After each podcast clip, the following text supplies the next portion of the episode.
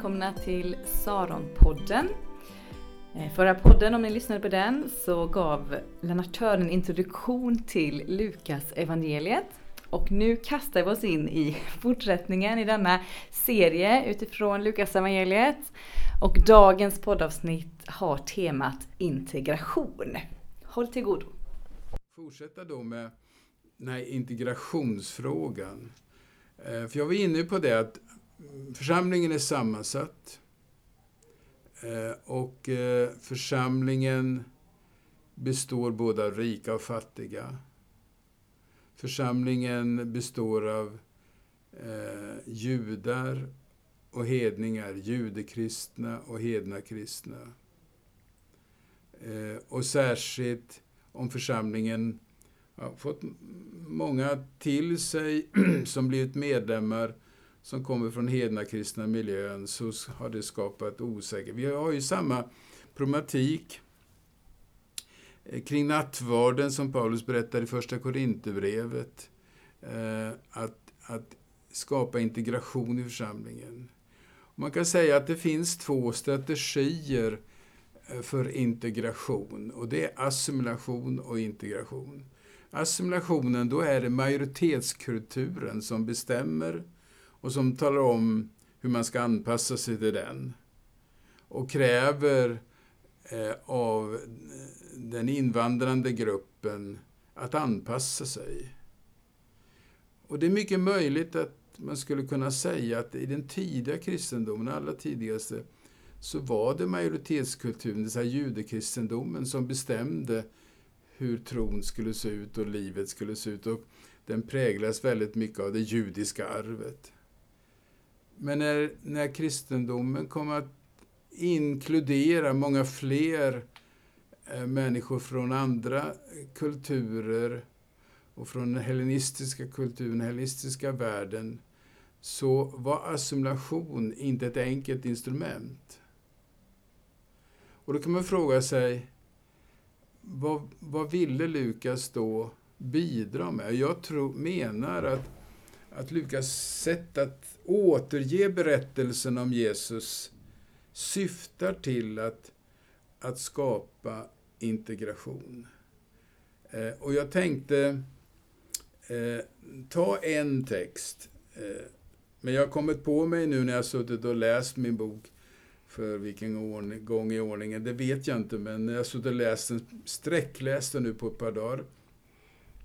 Så jag kommer på att det är så, det, om och om igen så verkar Lukas komma tillbaka det i, i, i, sina, i, sin återgivning av, av Jesusberättelserna.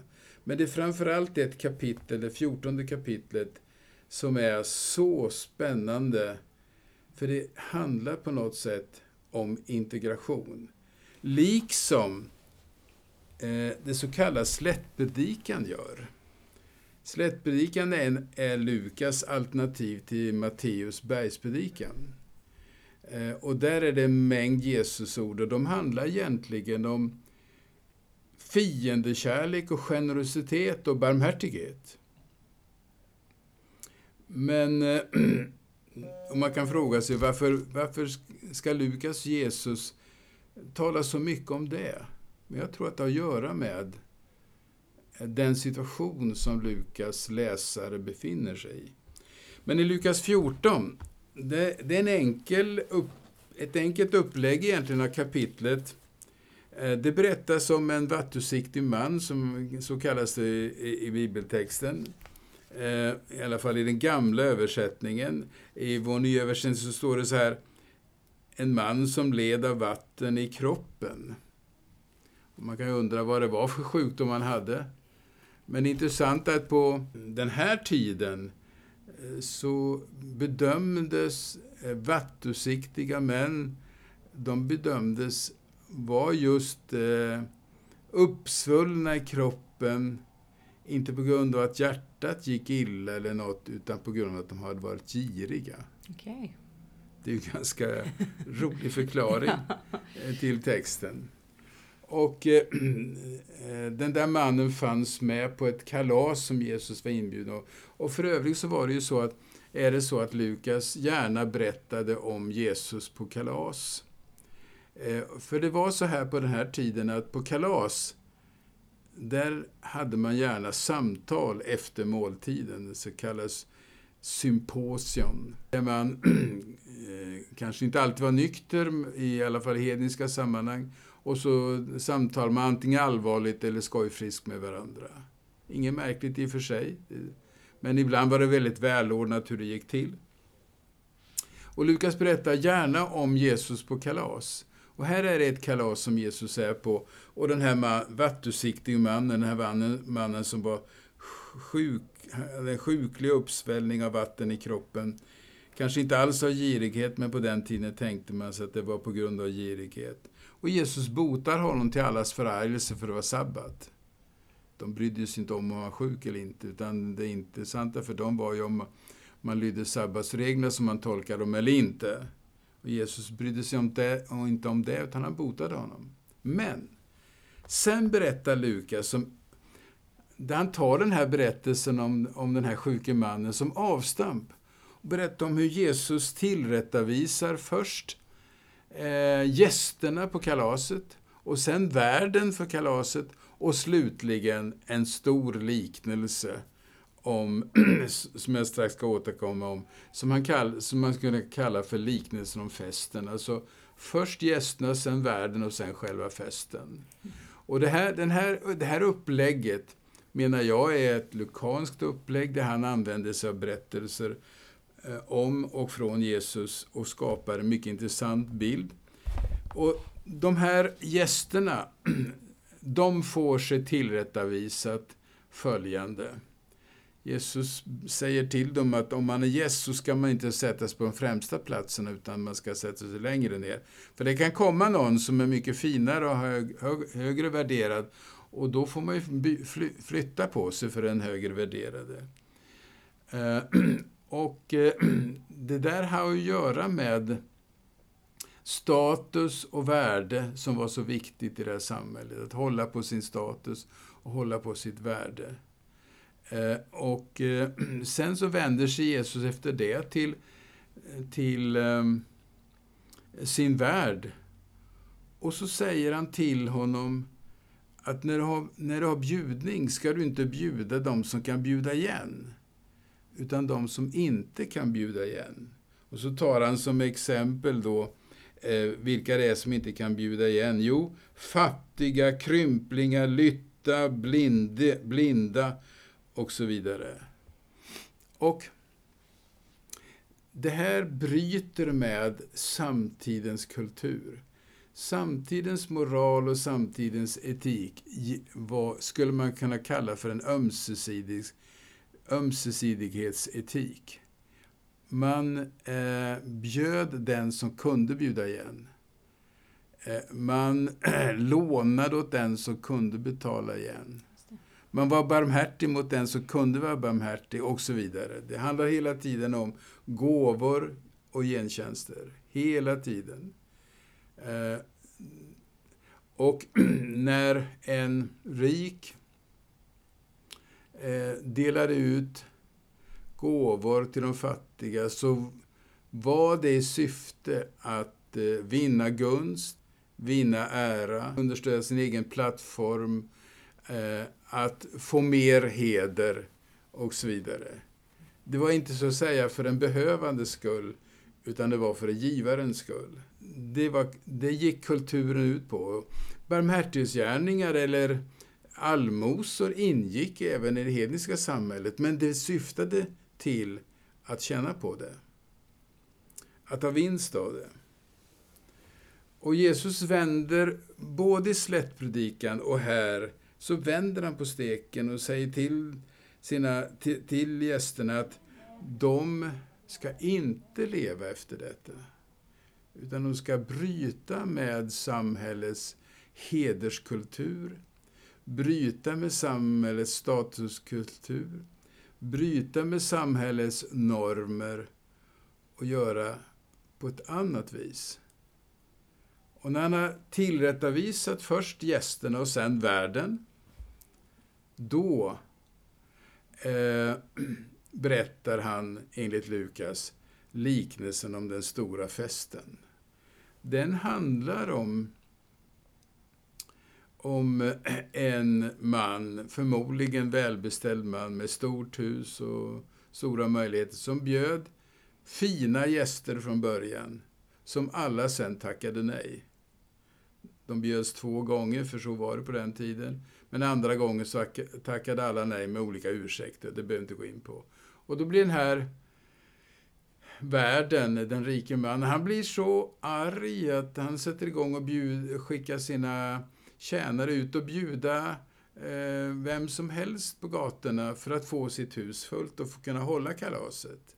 Och han får till och med göra det två gånger och slutligen är det de som är ytterst ute i marginalen i samhället som också blir inbjudna och till och med kanske påverkade att komma dit, eller till och med tvingade att komma dit. Och det beskrivs att det är fattiga, krymplingar, blinda och lytta. Precis som världen fick sig rådet att bjuda. Och i den här bilden så, så, så bjuds de och så hålls den här festen. Och Jesus, Jesus säger att det här, det här är bilden av Guds rike. Eh, bilden av Guds rike som är till för de allra nedersta, för de allra minsta, eh, för de som inte Eh, kan förvänta sig något, som inte har status och ära, som inte har heder och så vidare. De är Guds rike till för.